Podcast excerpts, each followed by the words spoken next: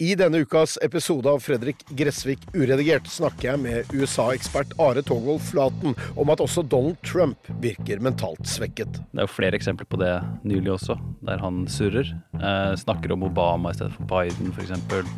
Han er jo ikke det han var, han heller, hvis du ser tilbake på klipp av Trump fra 2015-2016. Gjerne enda lenger tilbake, den gang han var demokrat. Hør Fredrik Gressvik uredigert, gratis der du hører podkast.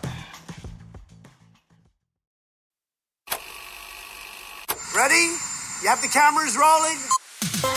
He was hosting boozy parties in Downing Street. Well, when the president does it, that means that it is not illegal.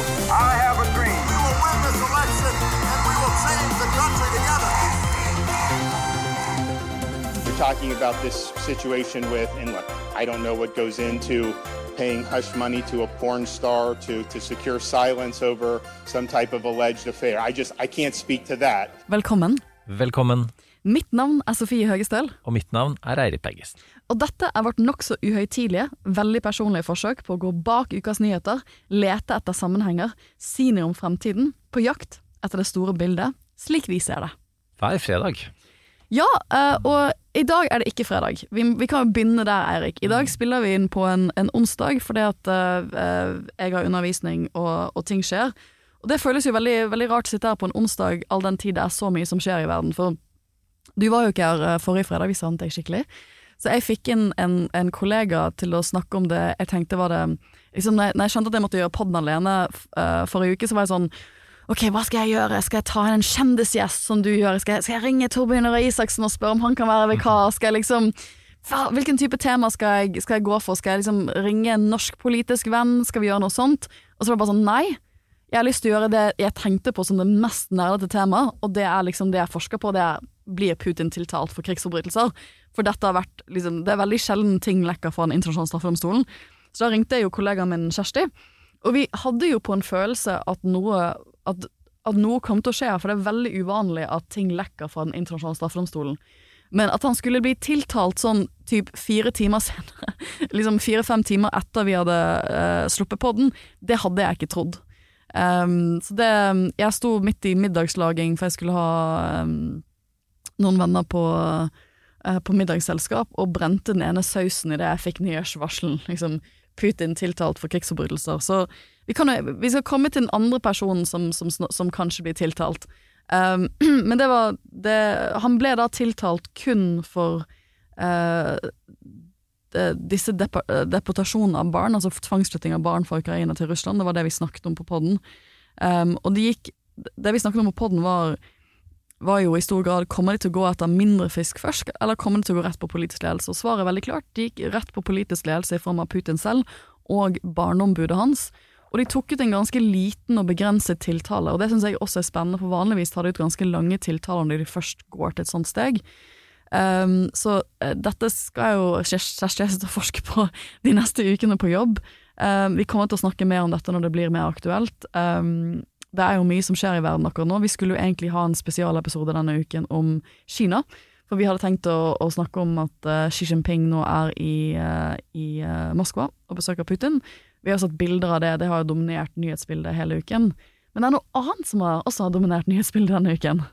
Ja, den Kina-episoden for øvrig, den kommer, den kommer. folkens, og forhåpentligvis allerede neste uke. Fordi det er noen uh, hyggelige, ikke altfor kjendistunge mennesker som vi kjenner som jobber med dette, som, som vi har lyst til å ha med og forklare dere og oss litt mer om hva som faktisk skjer der. fordi det er, har jo vært et internasjonalt diplomatisk toppmøte mellom Xi Jinping og Putin, eh, som jo på en måte alles øyne var på, helt til dette eh, skjedde. Eh, og det, dette er jo Donald Trump, og i en sånn litt sånn vanskelig uke for meg, så var det faktisk nærmest en, en lettelse. Rart å, å, si det, men, men å fokusere tankene sine på eh, vekk fra det vanskelige og over på eh, Donald Trump. og, og det er eh, ja, det, det, er, det, er, jo ikke bare den ene tiltalen, det er den andre tiltalen. Det, det, altså Jeg fikk beskjed om dette Det var vel på lørdag nyheten sprakk. Uh, og da hadde jeg liksom Eller var det søndag? Det har ikke noe å si. Uh, men, men da liksom, Jeg ante fredag i fare, hadde liksom endelig landet etter Putin-tiltalen. Uh, og så ringer en journalist fra NTB og sier at vi har noen meldinger på Truth Social fra Trump som vi vil du skal se på. Og det er disse meldingene hvor han, har, eh, hvor han i helgen da sa at han kom til å bli arrestert på tirsdag. Nå har han ikke blitt arrestert på tirsdag, men det satte jo i gang et, et massivt mediefokus. Eh, for ikke bare skriver han i en Truth Social-posten at han blir arrestert på tirsdag, han inviterer oss sine støttespillere til å protestere. Um, og vi har jo snakket om disse sakene før, uh, men den konkrete Vi kan begynne der. Hvilken For det, det, det Mitt første spørsmål til eh, NTB-journalisten var sånn Kan jeg få se meldingene, og hvilke, sier han noe om hvilken mulig tiltale det er? For det er flere saker her. Um, og det er jo tydelig for hans melding, og tydelig for det som har kommet ut i mediebildet etterpå, at det er snakk om denne etterforskningen mot han i New York. Ja, og eh, altså det Vi spiller inn på, på onsdag. Det kan skje ting i Trump-verden. Eh, Det gjør det som regel ganske raskt. Eh, Men, eh, og vi skal måte prøve å gå litt gjennom hva er det som kan skje, og ta de ulike forbeholdene som ligger der. Um, Men, men, men det er jo en del ting som er, er klart, da, og som, som etter all sannsynlighet vil skje uansett. Og det, det handler om at, at påtalemyndighetene da i, i New York forbereder eh, en, eh, en sånn, en, at Trump da skal vitne for en storjurist, som da, eh, og, som da kan innebære en type tiltale ja, etter hvert. Men, men det, det som er veldig fint med å ha deg her, da, eller være med deg nå, eh, Sofie, er jo at, eh, at nå kan du få lov til å forklare det, det rent juridiske her. Hva er, det de, hva er den juridiske prosessen, ikke minst fram til nå? Så den juridiske prosessen her er veldig forskjellig fra det vi ville gjort i Norge, for vi har ikke såkalte store juryer i Norge. Og en storjury er en jury av vanlige mennesker. Vet ikke hvordan de har valgt ut vanlige mennesker som føler at de har et nøytralt forhold til Trump, men det har de gjort. Um, og man bruker en storjury for å etterforske en sak som man tenker er politisk vanskelig. Så det, det skjer ofte i saker hvor påtalemyndigheten eh, og statsadvokaten tenker sånn her trenger jeg litt eh, her trenger jeg litt distanse, her trenger jeg å vise eh, gjøre etterforskningen enda mer nøytral. Og det gjør jeg ved at jeg får oppnådd en storjury, og så er det de som tar stilling til om jeg har nok bevis til å tiltale denne personen. Eh, Så storjuryen er sånn sett et form Jeg tenker på det som en sånn etterforskningsredskap. For det som skjer i en storjury, det er at påtalemyndigheten da bruker uker eller flere måneder, hvis det er en stor sak, på å fremlegge bevisene de har til storjuryen, eh, som de allerede har samlet inn, eh, og fører vitner foran storjuryen. Og alt dette her skal, vanligvis da, så skal alt dette her resultere i at storjuryen sitter seg ned og tar en avstemning på om de mener at folk skal tiltales for de straffbare forholdene som påtalemyndigheten har lagt frem for dem. Uh, og det er jo egentlig det vi sitter og venter på at denne storjuryen skal gjøre. Jeg har jo syntes det har vært litt morsomt denne uken, når alle disse lekkasjene med folk som sier at det blir mandag, og så blir det onsdag, så blir det tirsdag. Altså liksom, det, det, det kommer Det er det ingen De eneste som, som har kontroll på dette her, er storjuryen. Og når de møtes, og når de er klare for å treffe et sånt vedtak. Jeg får se på mediespillet rundt dette, og jeg hadde en, noen runder i noen TV-studioer i går sjøl. Eh, så måtte jeg bare på et tidspunkt si at eh, altså, det eneste vi vet, er det Donald Trump har sagt om dette. Eh, og Donald Trumps ord eh, vet vi for lengst er ikke til å stole på.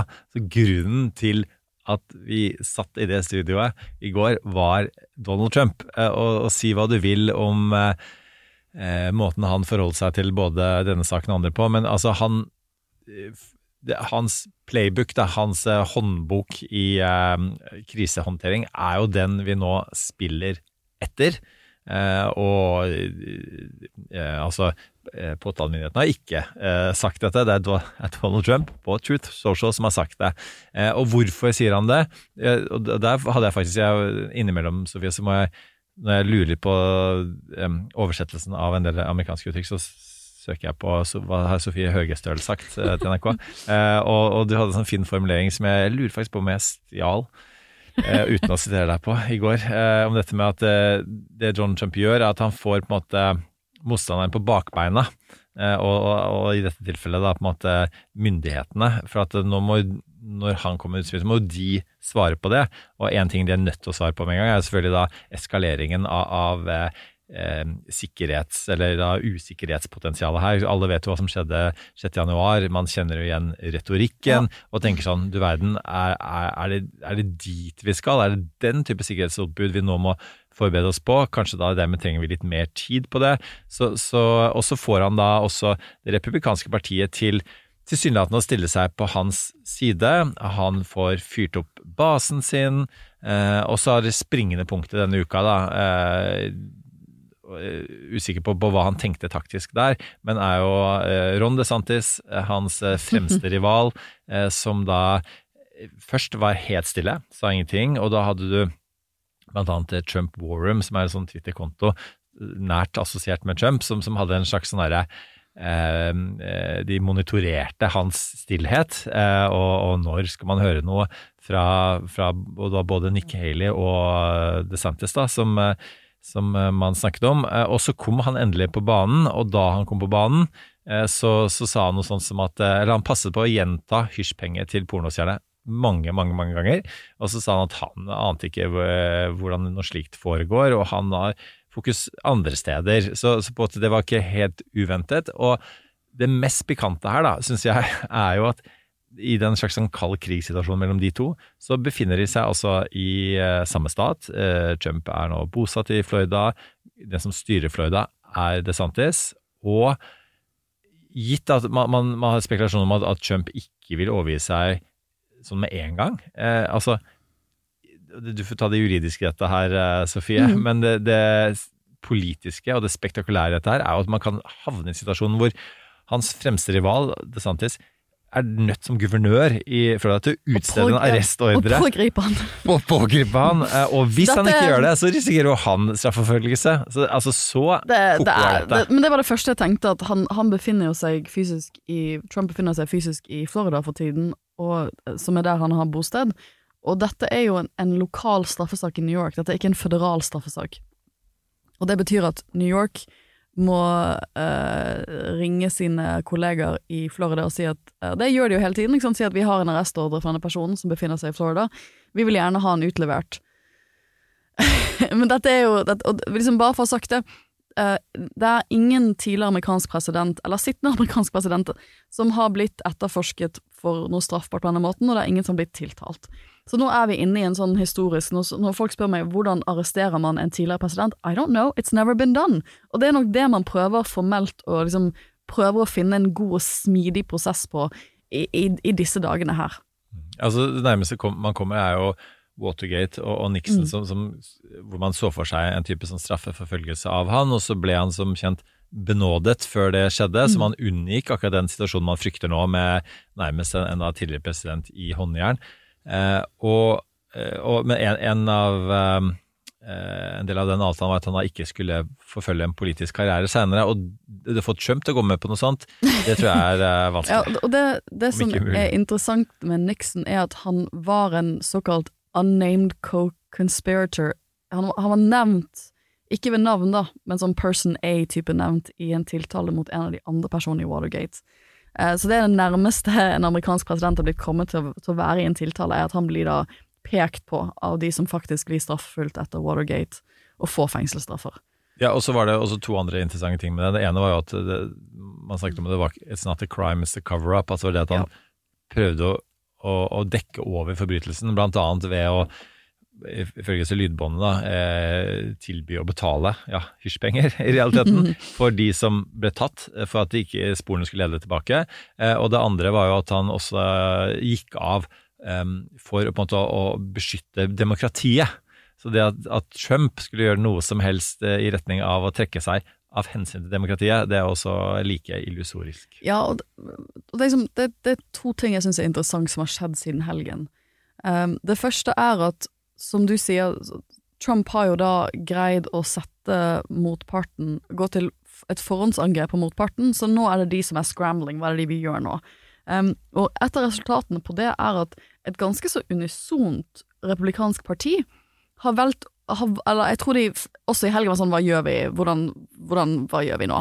Uh, men nå virker det som et sånn relativt unisont republikansk parti uh, og da med masse folkevalgte i Kongressen, har brukt de siste to dagene på å gå til frontalangrep mot statsadvokaten i New York, som, som leder denne etterforskningen, og sier at dette er en statsadvokat som jobber utenfor eh, sin mandat, og det er politisk, og vi må etterforske han. Vi må, kan vi bruke Kongressen på en eller annen måte for å dra han inn, for å forklare seg til Kongressen? Vi kan ikke ha statsadvokater som jobber uh, on this kind of discretion, altså skjønn. Det syns jeg er veldig morsomt, for jeg forsker jo på prosecutorial discretion, så dette dette er liksom virkelig rett inn i det jeg forsker på. Og hele det amerikanske systemet som de har laget, disse folkene har laget, er basert på at du har statsadvokater som har mye mer skjønn enn det vi har i Europa. Så dette er det systemet dere har laget, for det første. Og for det andre så hopper det jo glatt over at det er ikke Mr. Briggs formelt som skal ta ut denne tiltalen. Bragg. Det, Bragg, beklager. Det er ikke Ganske spennende at, at han Bragg. heter Bragg. Det burde vært navnet til Donald Trump. Men det er ikke han, altså rent formelt så er det ikke han som tar ut den tiltalen. Det er en storjury. Det, som skal, det vi alle står og venter på nå, er at denne storjuryen skal møtes med han, hvor han kommer til å si jeg ønsker å ta ut følgende charges mot Trump, og så skal de stemme over det. Og da er det, og det er litt tanken bak en storjury, at litt sånn som at man bruker en jury i vanlige straffesaker for å For du skal ha vanlige folk som skal kunne vurdere er denne personen skyldig eller ikke. Så skal da vanlige folk her vurdere har vi fått nok bevis til at vi tenker at Trump burde bli tiltalt for disse forholdene her. Er det, så det, det er jo formelt storjuryen, disse, disse, disse nøytrale personene som gjør det, det er jo ikke han per se.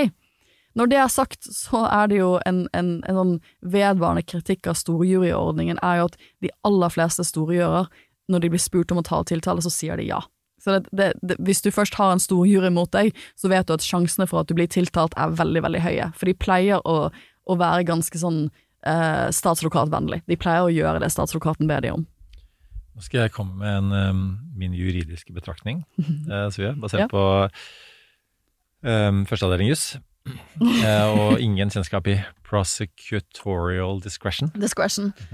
The Eh. it's the title of my It's part of the title of my PhD. Mm. Eh, men altså, poenget er jo at uh, uh, altså, Det er som du sier, altså, de har jo lagd dette systemet, da. Uh, det er sånn Sånn, systemet sånn funker. er det for alle. For De snakker mye om likhet for loven, og det er sånn, sånn er det for alle. Ja, og- og- Dette er systemet. Og det likhet for loven-poenget er jo egentlig det, det springende poenget her. For at eh, ja, man har valgt et system som er hvor man har politisert eh, eh, aktoratet eh, på ulike måter, statsadvokater osv. Eh, og du kan, hvis du snur på det, så kan du si at demokratene også er jo veldig sure på høyesterettsdommere, Ja. eksempel. Så det er litt, litt det samme med altså måte politikere kommenterer domstolen på, som er jo helt ukjent uh, uh, her.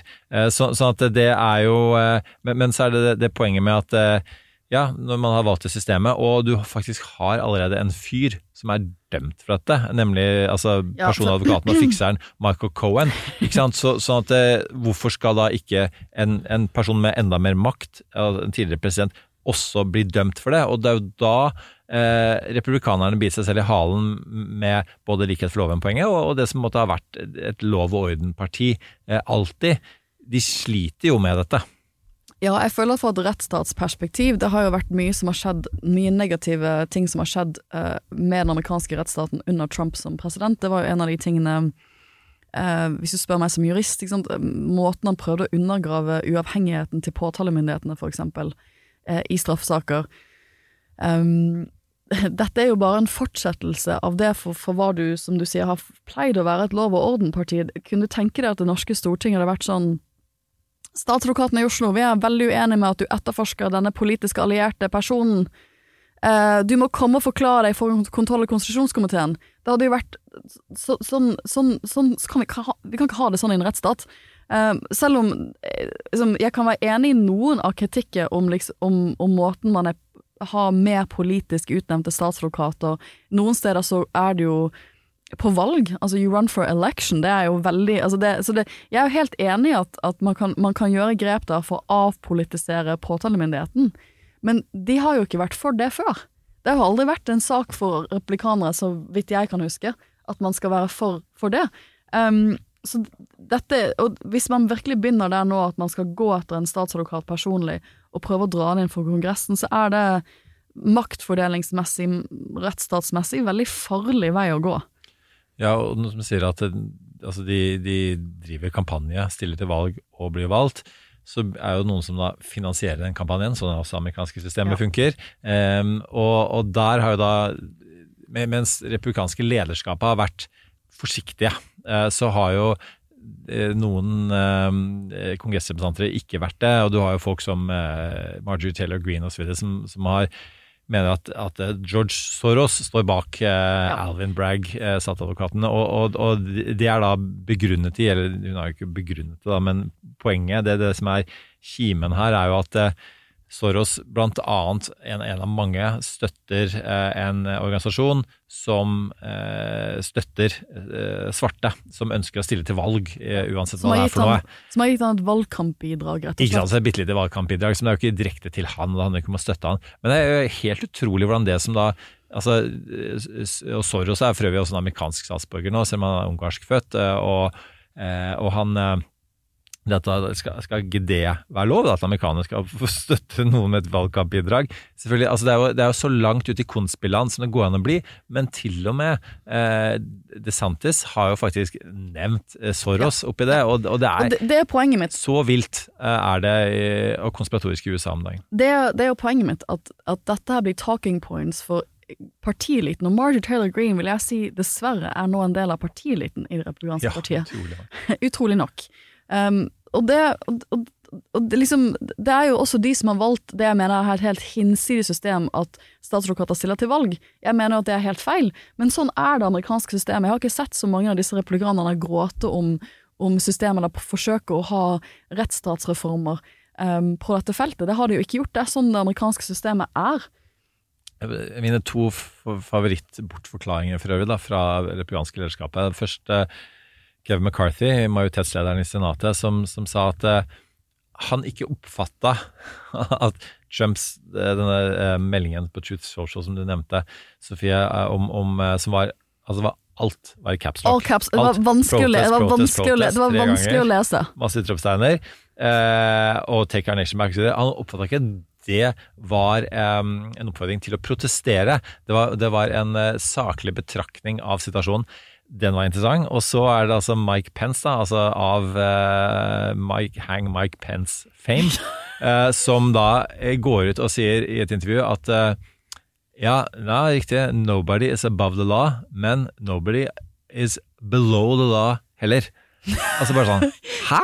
Hva i all verden er det du mener? Altså, bare, altså Snakk om å bend themselves backwards for, for å prøve å forklare dette her. Det er helt utrolig. Og det er jo, Trump har igjen fått det som han vil, og ikke minst, da, eh, vi snakker om Donald Trump.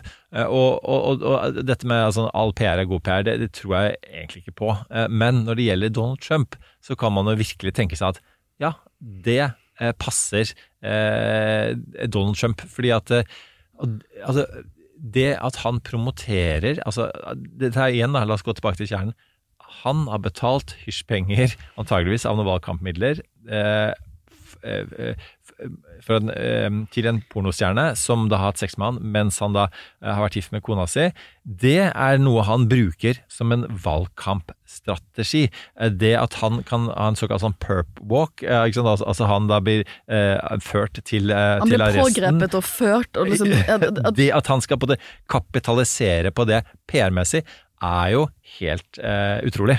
Ja, for det, det har jo vært snakkisen at eh, Det er det som er overskriften i New York Times i dag når vi spiller inn, er at Maggie Haberman, som jeg snakket om før, hun er jo en The Trump Whisperer. Hun har utrolig gode kilder i Trump- Trump-leiren, inkludert Trump selv. Og har skrevet en lang bok, bestselgerbok om han, som vi kan varmt anbefale. Og hun sier jo at han gleder seg litt til tanken om en sånn perp walk. walk. Eh, og det er da at han blir pågrepet, og at det er som på film, ikke sant. Han blir pågrepet, en eller annen politi eh, mann sier, eller kvinne sier You have the right to remain silent. You know, if you cannot afford an attorney, an, an attorney will be afforded to you. Liksom, de kommer til å read det de kaller for Miranda rights, hvor de leser ut disse rettighetene du har, og så kommer han til å måtte gi finger, altså, fingeravtrykk, han, måtte, han vil måtte registrere seg.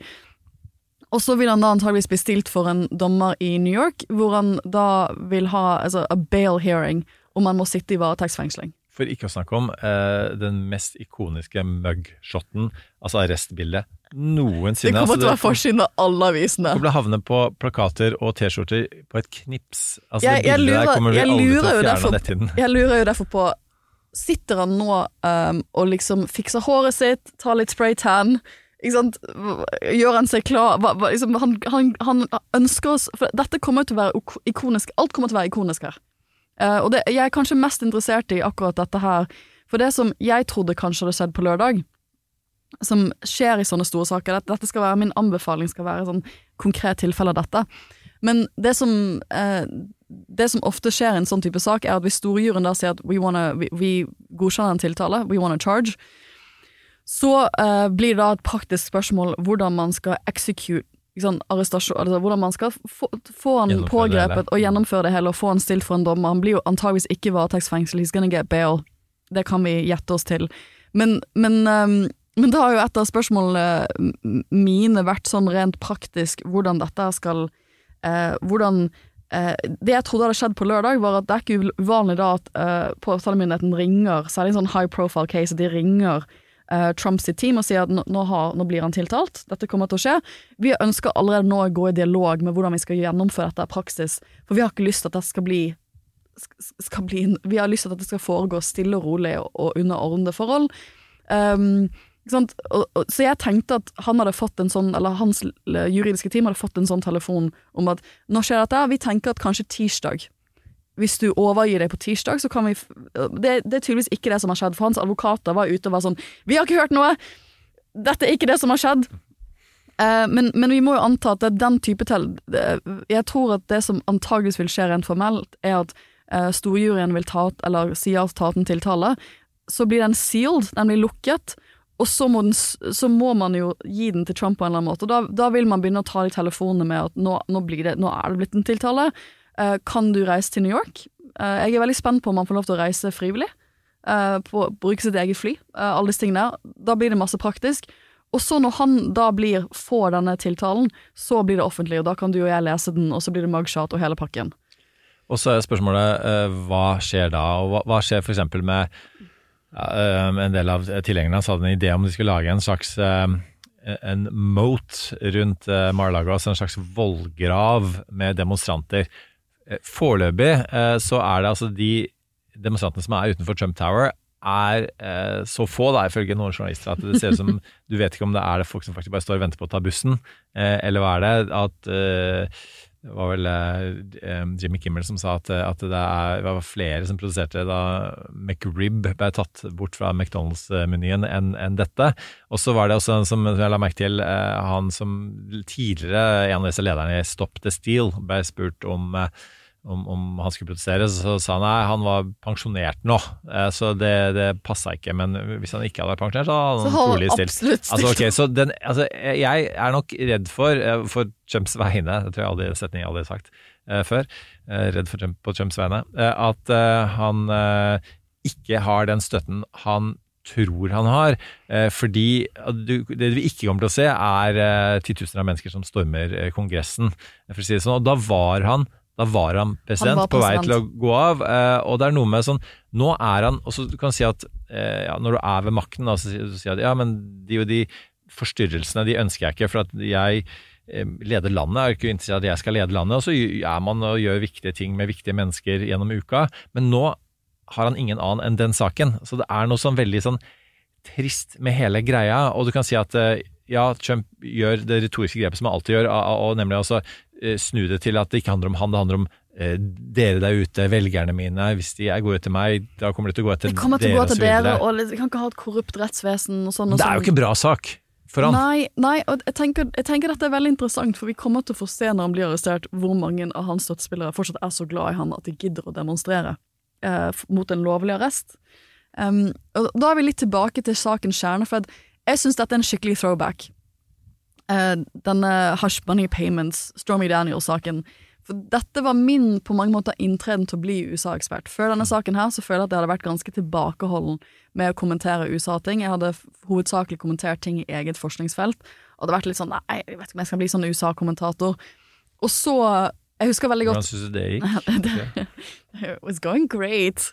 Uh, og, så, og så blir Michael Cohen arrestert. Og da Det er jo straffeprosess, den type straffeprosess. jeg Personadvokaten og fikseren. Ja, fikseren. Det er jo den type forskning Jeg forsker jo på den type prosesser. Det er ikke så mange av de andre USA-ekspertene som kan amerikansk straffeprosess. Så det var sånn, ok, dette her Nå føler jeg et kall til å forklare dette. For det, jeg, jeg husker veldig godt når, han, når det ble klart at han ble at, at eh, hjemmet til og kontoret hans ble ransaket. For det, i USA så har man jo veldig sterkt vern hvis man, er, eh, hvis man har et klient-advokatforhold. Det er veldig vanskelig å komme seg inn i det klient-advokatforholdet. Nesten umulig å få innsyn i no, noe kommunikasjon. Men det er én, et, et klassisk unntak, og det heter the crime fraud exception. Hvis du har brukt advokaten din til å gjøre noe straffbart, så faller den immuniteten, eller det faller den taushetsplikten mellom advokat og klient. Eh, så når det kom nyhetsmelding om at eh, advokaten For det, på det tidspunktet så var jo Michael Cohen uh, Trumps personlige advokat når dette skjedde, uh, etter valget i 2016. Så når da kommer nyhetsmelding om at hans personlige advokats advokatkontor har blitt ransaket, da tenkte jeg sånn This is This is very serious. For, at for å få en ra ransakelsesordre til advokaten til den sittende presidenten, så må du gå gjennom en dommer. Og jeg, hvis jeg hadde vært federaldommer, eller dommer i New York, hadde aldri, aldri, aldri signert en ransakelsesordre, altså tillatelse til å ransake eh, den sittende presidentens advokatens kontor, med mindre jeg var 100% overbevist om at det var noe straffbare forhold her. Eh, og, og, det, og, så da tenkte jeg at det er nesten umulig at denne straffesaken her is not gonna stick. I was like, this is gonna stick. For at bare for å få lov til å gå til dette steget her, mm. så må de ha overbevist en dommer om at det er ganske shady shit som har skjedd der. De må ha ganske gode beviser. Og det hadde de jo. De hadde noen telefonsamtaler. De hadde ganske mye, ikke sant. Uh, og da gikk det etter det. Michael Cohen I, I, feel like he lasted like 24 hours. For han var sånn I'm gonna fight this. Jeg er uskyldig. Og så plutselig, sånn, sånn noen timer liksom, sånn, Så gikk det veldig fort til at han da snudde, begynte å snakke, uh, og, og, og, rett og slett tok en plea deal, hvor han erkjenner straffskyld. Um, og, um, og få en lavere, uh, lavere tid i fengsel. Uh, og da var jo det store spørsmålet, for han sto jo, jeg, jeg fulgte live når han, ble mm, fengs, når han gikk og hadde sånn fengslingsmøte. For hvis du, hvis du tar en sånn plea deal, hvis du erkjenner straffskyld mot å få litt lavere straff, så må du gå foran en dommer, og så må du forklare i dine egne ord hva du har gjort som er straffbart. Og det er litt som, som en sånn sikkerhetsventil, for du vil jo ikke at folk som er uskyldige, skal bli presset av politiet eller statsadvokatene til å, til å erkjenne og innrømme straffskyld for ting de ikke har gjort. Så en viktig del av den prosessen er at du må gå foran en dommer, så må du forklare i dine egne ord hva det er du har gjort som er, som er feil, og du må erkjenne straffskyld. Og han sto jo da i retten i New York og sa at jeg utbetalte disse pengene. Dette skjer da rett før valget i 2016. Så utbetaler Michael Cohen eh, en del penger til Stormy, altså en betydelig pengestum til Stormy Daniels, som er denne tidligere pornostjernen. Um, 130 000 dollar, dollar, som er halvannen million, sikkert. Ja. Og det, det, er sånn, det er fin summe penger. Eh, det er en saftig summe penger. Det hjalp ikke, la oss, la oss bare skyte inn det. Det hjalp De ikke. Hysj-pengene fikk ikke henne eller andre til å hysje rundt dette. Nei. For dette skjer sånn april 2018, tror jeg, um, at han blir arrestert. Og da står han i retten og sier at ja, jeg betalte disse pengene uh, on the direction of I think person A. Og alle skjønner jo hvem person A er. Det er Donald Trump, som da var sittende president. Men uh, um, eh, amerikanske etterforskere har et prinsipp om at de, de, de, de kan ikke ta, de, tolker den amerikanske grunnloven dit hen at du ikke kan arrestere eller tiltale en sittende president. Og så har saken liksom ligget død, og det er jo en av kritikkene som republikanerne trekker frem denne uken. At denne saken har ligget død ganske lenge. og Det, det, det var ikke sånn at uh, statsadvokaten i New York kastet seg over den rett etter Trump gikk av. Det gjorde det ikke. Den, den var, den var jo tilsynelatende nesten henlagt, altså lagt bort av statsadvokatene, til han fyren her, Mr. Bragg, kommer på banen igjen og gjenoppliver det og får en storgjøre, og starter hele prosessen igjen. Men stemmer ikke det også at uh, den opprinnelige saken med Michael Cohen også lå altså, heller, De kom ikke noe vei med den i utgangspunktet, for dette skjedde jo i 2015.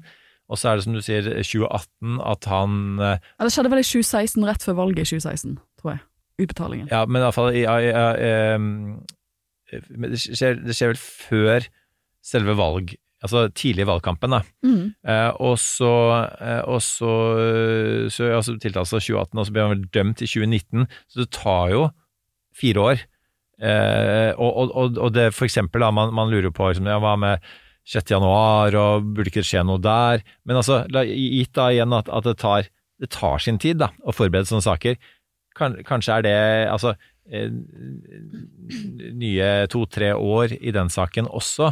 Eh, Og du kan si at det, det positive her, da Selvfølgelig alle ønsker seg at eh, tipper jeg eh, demokratisk anlagte mennesker ønsker seg at i 6. januar får et etterspill. Man kan ønske seg at, at en telefon til Georgia, eh, eh, som også man snakker om nå, for så vidt også disse her atomhemmelighetene i, i safen på Mar-a-Lago, at, at det er det som får fokus, for, for det er, er politisk interessant på en annen måte. Men eh, dette viser i hvert fall at, at rettssystemet fungerer, selv om det fungerer sakte. Og behovet for å få han dømt for et eller annet, eh, den er veldig veldig, veldig stor i amerikanske samfunn. Og jeg tror til og med at en del republikanere, ikke minst den republikanske ledelsen, ja, jeg at de, det går greit om han får en bot for dette. At Ja. han settes i fengsel i fi, opptil fire år, er det vel. Eh, det er kanskje ikke greit, men, men at han får en bot for dette her, og kanskje også da på en måte redusere sin sjanse til å bli deres eh, kandidat til, til presidentvalget, er ikke det dummeste som kan skje. Jeg tror det, det interessante er at alle, eh, både republikanere og demokrater, er nok ganske enige om at denne straffesaken her er ikke den mest alvorlige straffesaken som eh, er under oppseiling mot Trump. Dette er i, I verst fall så har han broken some campaign financing laws. Det er ikke verdens største forbrytelse. Det er pikant av den porn, denne pornostjernen og hashmoney og alt det der, men det er ikke verdens største forbrytelse. Jeg hadde vært spent på hvilken reell straffeutmåling han ville fått, for Michael Cohen satt jo så mye i saksen, for han hadde gjort mye annet straffbart. Liksom. He was into a lot of shady shit. Og det var litt sånn statsadvokatene tok han, at de var litt sånn hei, eh, nå kommer du til å innrømme dette, eller nå skal du snakke sant om hva som har skjedd der, for det vi har avdekket at du har Det var noe sånn taxi-scheme-greier, det var mye rart han hadde vært involvert i. Så vi kommer til å redusere tiltalepunktene på det, hvis du også forklarer oss ærlig hva som har skjedd med denne utbetalingen eh, rett før eh, 2016-valget. Så han hadde ganske mange andre forhold som gjorde at han, hadde, han fikk en lengre fengselsstraff. Det har ikke Trump. Um, eller, vi vet jo ikke ennå, men hvis det bare er dette forholdet med Stormy Daniels, så er det ikke tidenes mest alvorlige straffesak. Og det er jo kanskje noe som jeg tror demokratene syns også er litt vanskelig, at frem til for noen uker siden så trodde man jo egentlig at man lå lenger frem i prosessen i straffesaken, eller storjuryetterforskningen av Trump i Georgia, som du var inne på. Uh, for der er det jo et spørsmål Der er det en storjury som etterforsker hvorvidt Trump og andre eh, mennesker prøvde å påvirke opptellingen av valget i 2020. Og dette er jo det stedet hvor Trump eh, tar den famøse telefonsamtalen hvor han ringer en valgmedarbeider i Georgia og sier sånn Can we find some, som, Kan vi ikke finne noen stemmer? Det, altså um, igjen da, uh, dette her er en dårlig sak for Donald Trump. Og i, vi, vi, nå vi, snakker vi opphøyer han litt med det, det mediespillet hans her, men la oss bare minne oss selv om var det lurt av han å betale disse hysjpengene? Åpenbart ikke, det funket ikke. Var det smart av han eh, å, å, å ta den telefonen til Georgia og be om de ekstra stemmene? Nei. Var det smart av han å ta med seg dokumentet til Mar-Lago? Nei. Var det smart av han å ikke be eh, tilhengerne sine utenfor Kongressen roe seg og trekke seg tilbake litt tidligere? Nei. Så det, han har jo skapt alle disse situasjonene for seg selv. Det er jo, altså, det er jo eh, så lite politisk, strategisk av han. Eh, og, og, og sånn, sånn på en måte det, La oss nå ikke glemme det da, når vi prøver å mistenke at, at Trump sitter bak og styrer i tømmene her, og, og på en genialt vis får oss til å danse, enda et metafor, tømmer og, og pipe, danse etter hans pipe. Eh, Sånn er det ikke. Altså, eh, Trump er en ekstremt sleivete politiker som valser inn eh, og skaper problemer, ikke minst for seg selv. Og det er jo hele grunnen til at De- DeSantis ikke kommenterte det her til å begynne med, ikke engang har meldt seg som Men- kandidat, ja, men- fordi at ah, Trump Ja. ødelegger for seg selv. Og jeg må si at Den morsomste pressekonferansen jeg så denne uken, var nettopp DeSantis, som, holdt, som ble spurt om liksom få et spørsmål, som han- han vet at han får spørsmålet. Og så velger han å svare på spørsmålet på en måte som tilsynelatende fortsatt støtter Trump. Men det han egentlig gjør, da, er at når han svarer på spørsmålet som hva syns om dette, så sier han sånn Nei, altså liksom, Så sier han sånn Det han gjør, at han går Han forklarer hva underliggende saken er. Han sier sånn ja, nei, liksom det, er- det er klart at det er ikke, sikkert ikke noe gøy at du kanskje liksom, At det er anklager om en pornostjerne og liksom Så like, han snakker om you know, Stormy Did I Daniels mention the porn star? ja, det er mention, the liksom, hush money? det har ikke. Sånn, så, så, det er sånn fantastisk opptreden. Sånn, dette er det sak, liksom sånn, eh, eh, folkens, this is like the crazy shit denne saken er. Men allikevel skal jeg si at ja, nei, jeg, liksom, jeg vil ikke ha aktivistiske statsadvokater. Men, så da, han, han taler med to tunger nå, det syns jeg er veldig spennende. For det at ga, jeg, tror dette er en gavepakke for alle andre som stiller. For hvis Trumps neste år og det er jo et år til de begynner å stemme i disse primerne, er at han får flere tiltaler mot seg i forskjellige steder i USA, eh, og, og kanskje også etter hvert får en straff, altså en bot, eller kanskje fengselsstraff. Hvordan skal han drive valgkamp da? Ja, og, og, og hvis man tenker at uh, dette passer perfekt inn i Trumps uh, narrativ om at man klarer ikke å stoppe han politisk, ergo må man bruke rettsvesenet for å få stoppet han, um, så passer det jo enda bedre inn i narrativet til DeSantis, som handler om at 'jeg er Trump uten bagasjen'. Og, dette, er, dette, her er jo et perfekt eksempel på nettopp det. Men så må vi også ta en runde på det som da Trump svarte DeSantis etter den pressemeldingen igjen, som var nemlig at han la til og med ut et bilde av DeSantis eh, fra ungdomsårene med sånn her Ja vel, ja, og, og hva, hvilken historie har du med mindreårige kvinner? Og hva med en mann? spørsmålstegn. Altså, altså And you're gay? Ja. Er, det, er det svaret? Ja. Ja, det er det, er, det, er det voksne svaret til Trump. Utrolig. Det er det voksne svaret til Trump, og, og jeg, jeg, jeg, føler at dette her kommer bare til å bli Hvis dette skjer, hvis han blir, hvis han, hvis han blir pågrepet i neste dagene. det kommer til å være fullt ut Trump-sirkus. Men om det kommer, som du sier, hvordan at, um, jeg, jeg, føler at mye av narrativet som Trump har greid å skape før han har gått ut tidlig, uh, gikk så hardt ut i helgen, er at støttespilleren hans som Marjorie Taylor Greene har kunnet gå ut og si sånn If he gets arrested for this, that means he's gonna win the 2024 election. It's gonna make him win. He's already won then. For folk kommer til å være så sinte. Så det sånn og, og, så ser jeg at det, det, budskapet blir hermet eh, etter i mye store deler av media. Så liksom, vet du hva, vi vet faktisk ikke hva som kommer til å skje. Og det at dette er hans, hans støttespillere prøver å bygge opp den historiefortellingen, det skal vi ikke ta for god fisk. Nei, og vi skal også minne oss selv og andre om at uh, han har tapt tre valg. Han tapte uh, presidentvalget nå sist. Han må gjøre et eller annet for å få nye stemmer, og, og, og masse spektakel rundt uh, til en pornostjerne er ikke det. Uh, og så syns jeg også en annen sånn nesten litt søt ting er jo hvordan hans tilhenger, altså det QAnon-delen av Maga, spinner rundt sin egen akse her, fordi det de de mener jo fortsatt at 6. januar er, er, FBI og eh, Antifa som står bak, og at det var en sånn false flag-operasjon, og de ble lurt inn i en felle. Så de er jo nå redde for at de skal bli lurt inn i en felle igjen. Så de tror at noen av de som nå står utenfor Trump Tower, er sånne herre eh, eh, undercover eh, FBI og Antifa-folk. Altså det er helt, altså De er jo så forvirret eh, som det går an å bli.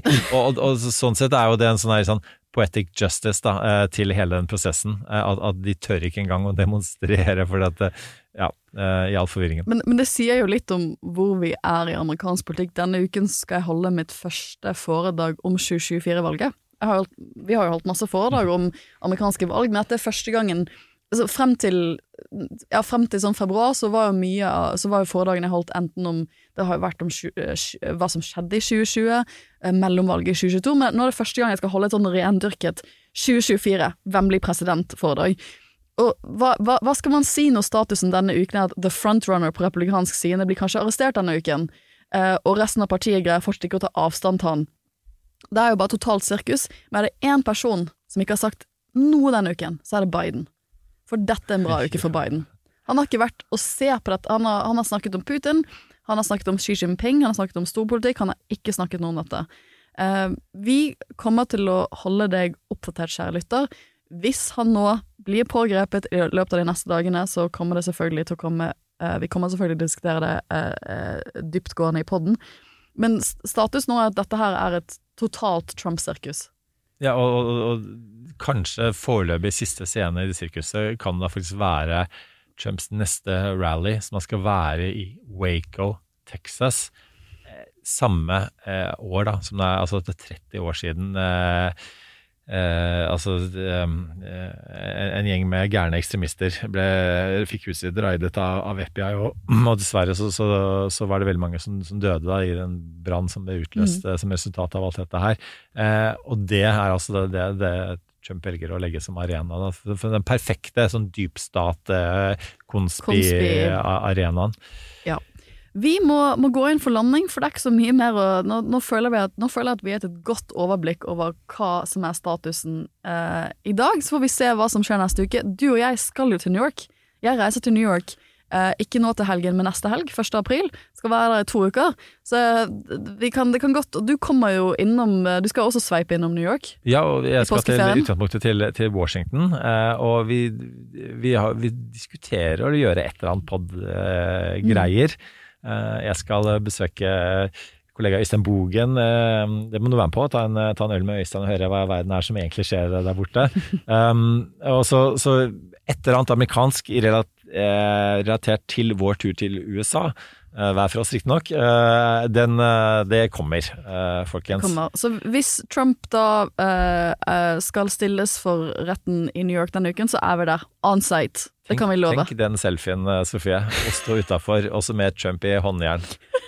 Bakgrunn. Han får nok ikke håndjern, men det, det gjenstår å se. Man Eh, kan, man kan hoppe. man kan Altså, ja nei, det, det, blir, det blir jo ikoniske bilder. Um, og så kommer vi til å komme tilbake til det store bildet med Skin, det, det, virkelig store verdensbildet neste uke. Men uh, først så gir vi dere litt av og påkobling.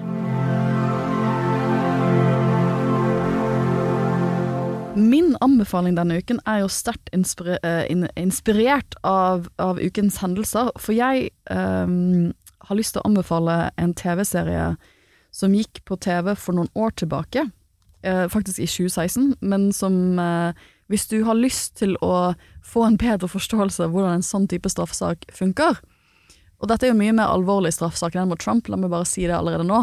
Men det, den TV-serien jeg vil anbefale er The People vs. OJ Simpson American Crime Story.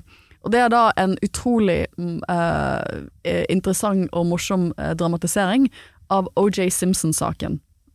En ikonisk straffesak i USA, hvor OJ Simpson da blir tiltalt for å ha drept kona si. Det er veldig vanskelig å se på den TV-serien og ikke tenke sånn 'herregud, så skyldig han var'. Det, det kom også ut en dokumentar samtidig, og jeg så på begge to når de kom ut. Og det var litt sånn, Han, han var jo superskyldig, men han blir jo, da, eh, han, han, han blir jo da ikke dømt til slutt for drapet på kona. Men det som er sånn interessant fra vårt perspektiv nå, er at eh, de, de følger det fra og med kona blir drept, og ser, da, da, får de, da får man innsikt i hvordan man arresterer en sånn type person. For påtalemyndighetene prøvde jo å arrestere uh, OJ Simpson eh, quietly. De, de, de, det er en sånn scene der hvor de bare sånn Hvor uh, OJ Simpson hadde jo da Kim Kardashian sin far som advokat. Hvor de da bare sånn Nå har det kommet en Nå har vi en, liksom, en tiltale mot deg, you're being charged. Uh, vi ser gjerne at du kommer inn stille i morgen. Vi kan gjøre dette stille og rolig, ikke noe presse. Eh, og så ender det med at han får helt panikk, og så rømmer han. Og så blir det sånn tidenes car chase, som er sånn også ikonisk i USA. Vi får håpe at det ikke det. Det skal mye til for å toppe OJ Simpsons arresthistorie. Jeg har veldig lyst til å se Trump kjøre ut av Mar-Lago i en hvit Bronco med politiet i hælene. Men uh, den, uh, denne serien ligger um, Jeg tror på Disney Plus. Jeg tror du kan se den i Norge på Disney Plus. Uh, varmt å anbefale. Skik skikkelig, skikkelig god serie. Um, jeg har en bok knytta til dette som heter Untouchable, eh, som har uh, undertittelen How Powerful People Get Away With It, eh, som eh, Ellie Honig eh, skrev eh, for eh, Er det et par år siden da? Eh, som eh, ja, som, som handler om eh, blant annet da, hvordan eh, Trump har kommet unna, mens eh, folk som nært han, enten det er Michael Cohen, Roger Stone, Paul Manafort, Michael Flynn, Bannon osv., ikke har gjort det. Eh, så hvis man skal ha litt innsikt i hvordan han har klart å komme unna til nå, og, og, og, og hvordan det vil kunne gå videre, så, så les den. Og så har vi allerede nevnt Confidence Man av Meg Haberman for et innsikt i hvordan, beste innsikten eh, av veldig mange bøker i hvordan eh, Trump tenker. Eh, og så helt til slutt så vil jeg anbefale en bok, gitt at det har vært en spesielt vanskelig uke for meg. Jeg har mistet en person veldig nær meg. Så er det det er faktisk trøst i bøker. The Year of Magical Thinking av min eh, faktisk favorittforfatter, Joan Didion. Hun mistet eh, mannen og datteren eh, i løpet av et år. Hennes refleksjoner rundt det, helt fantastisk. Um, så, så hvis man opplever litt tunge tider sorg, så er det en bok som hjelper litt i tider hvor ting ikke føles som det helt hjelper. Den anbefaler jeg. Den skal jeg sitte på, på leselisten min. Med det, kjære lytter, så har vi kommet til veis ende. Eh, Vi lyttes neste uke for mer drama og mer storpolitikk. Takk for oss. That's enough. Put down the mic.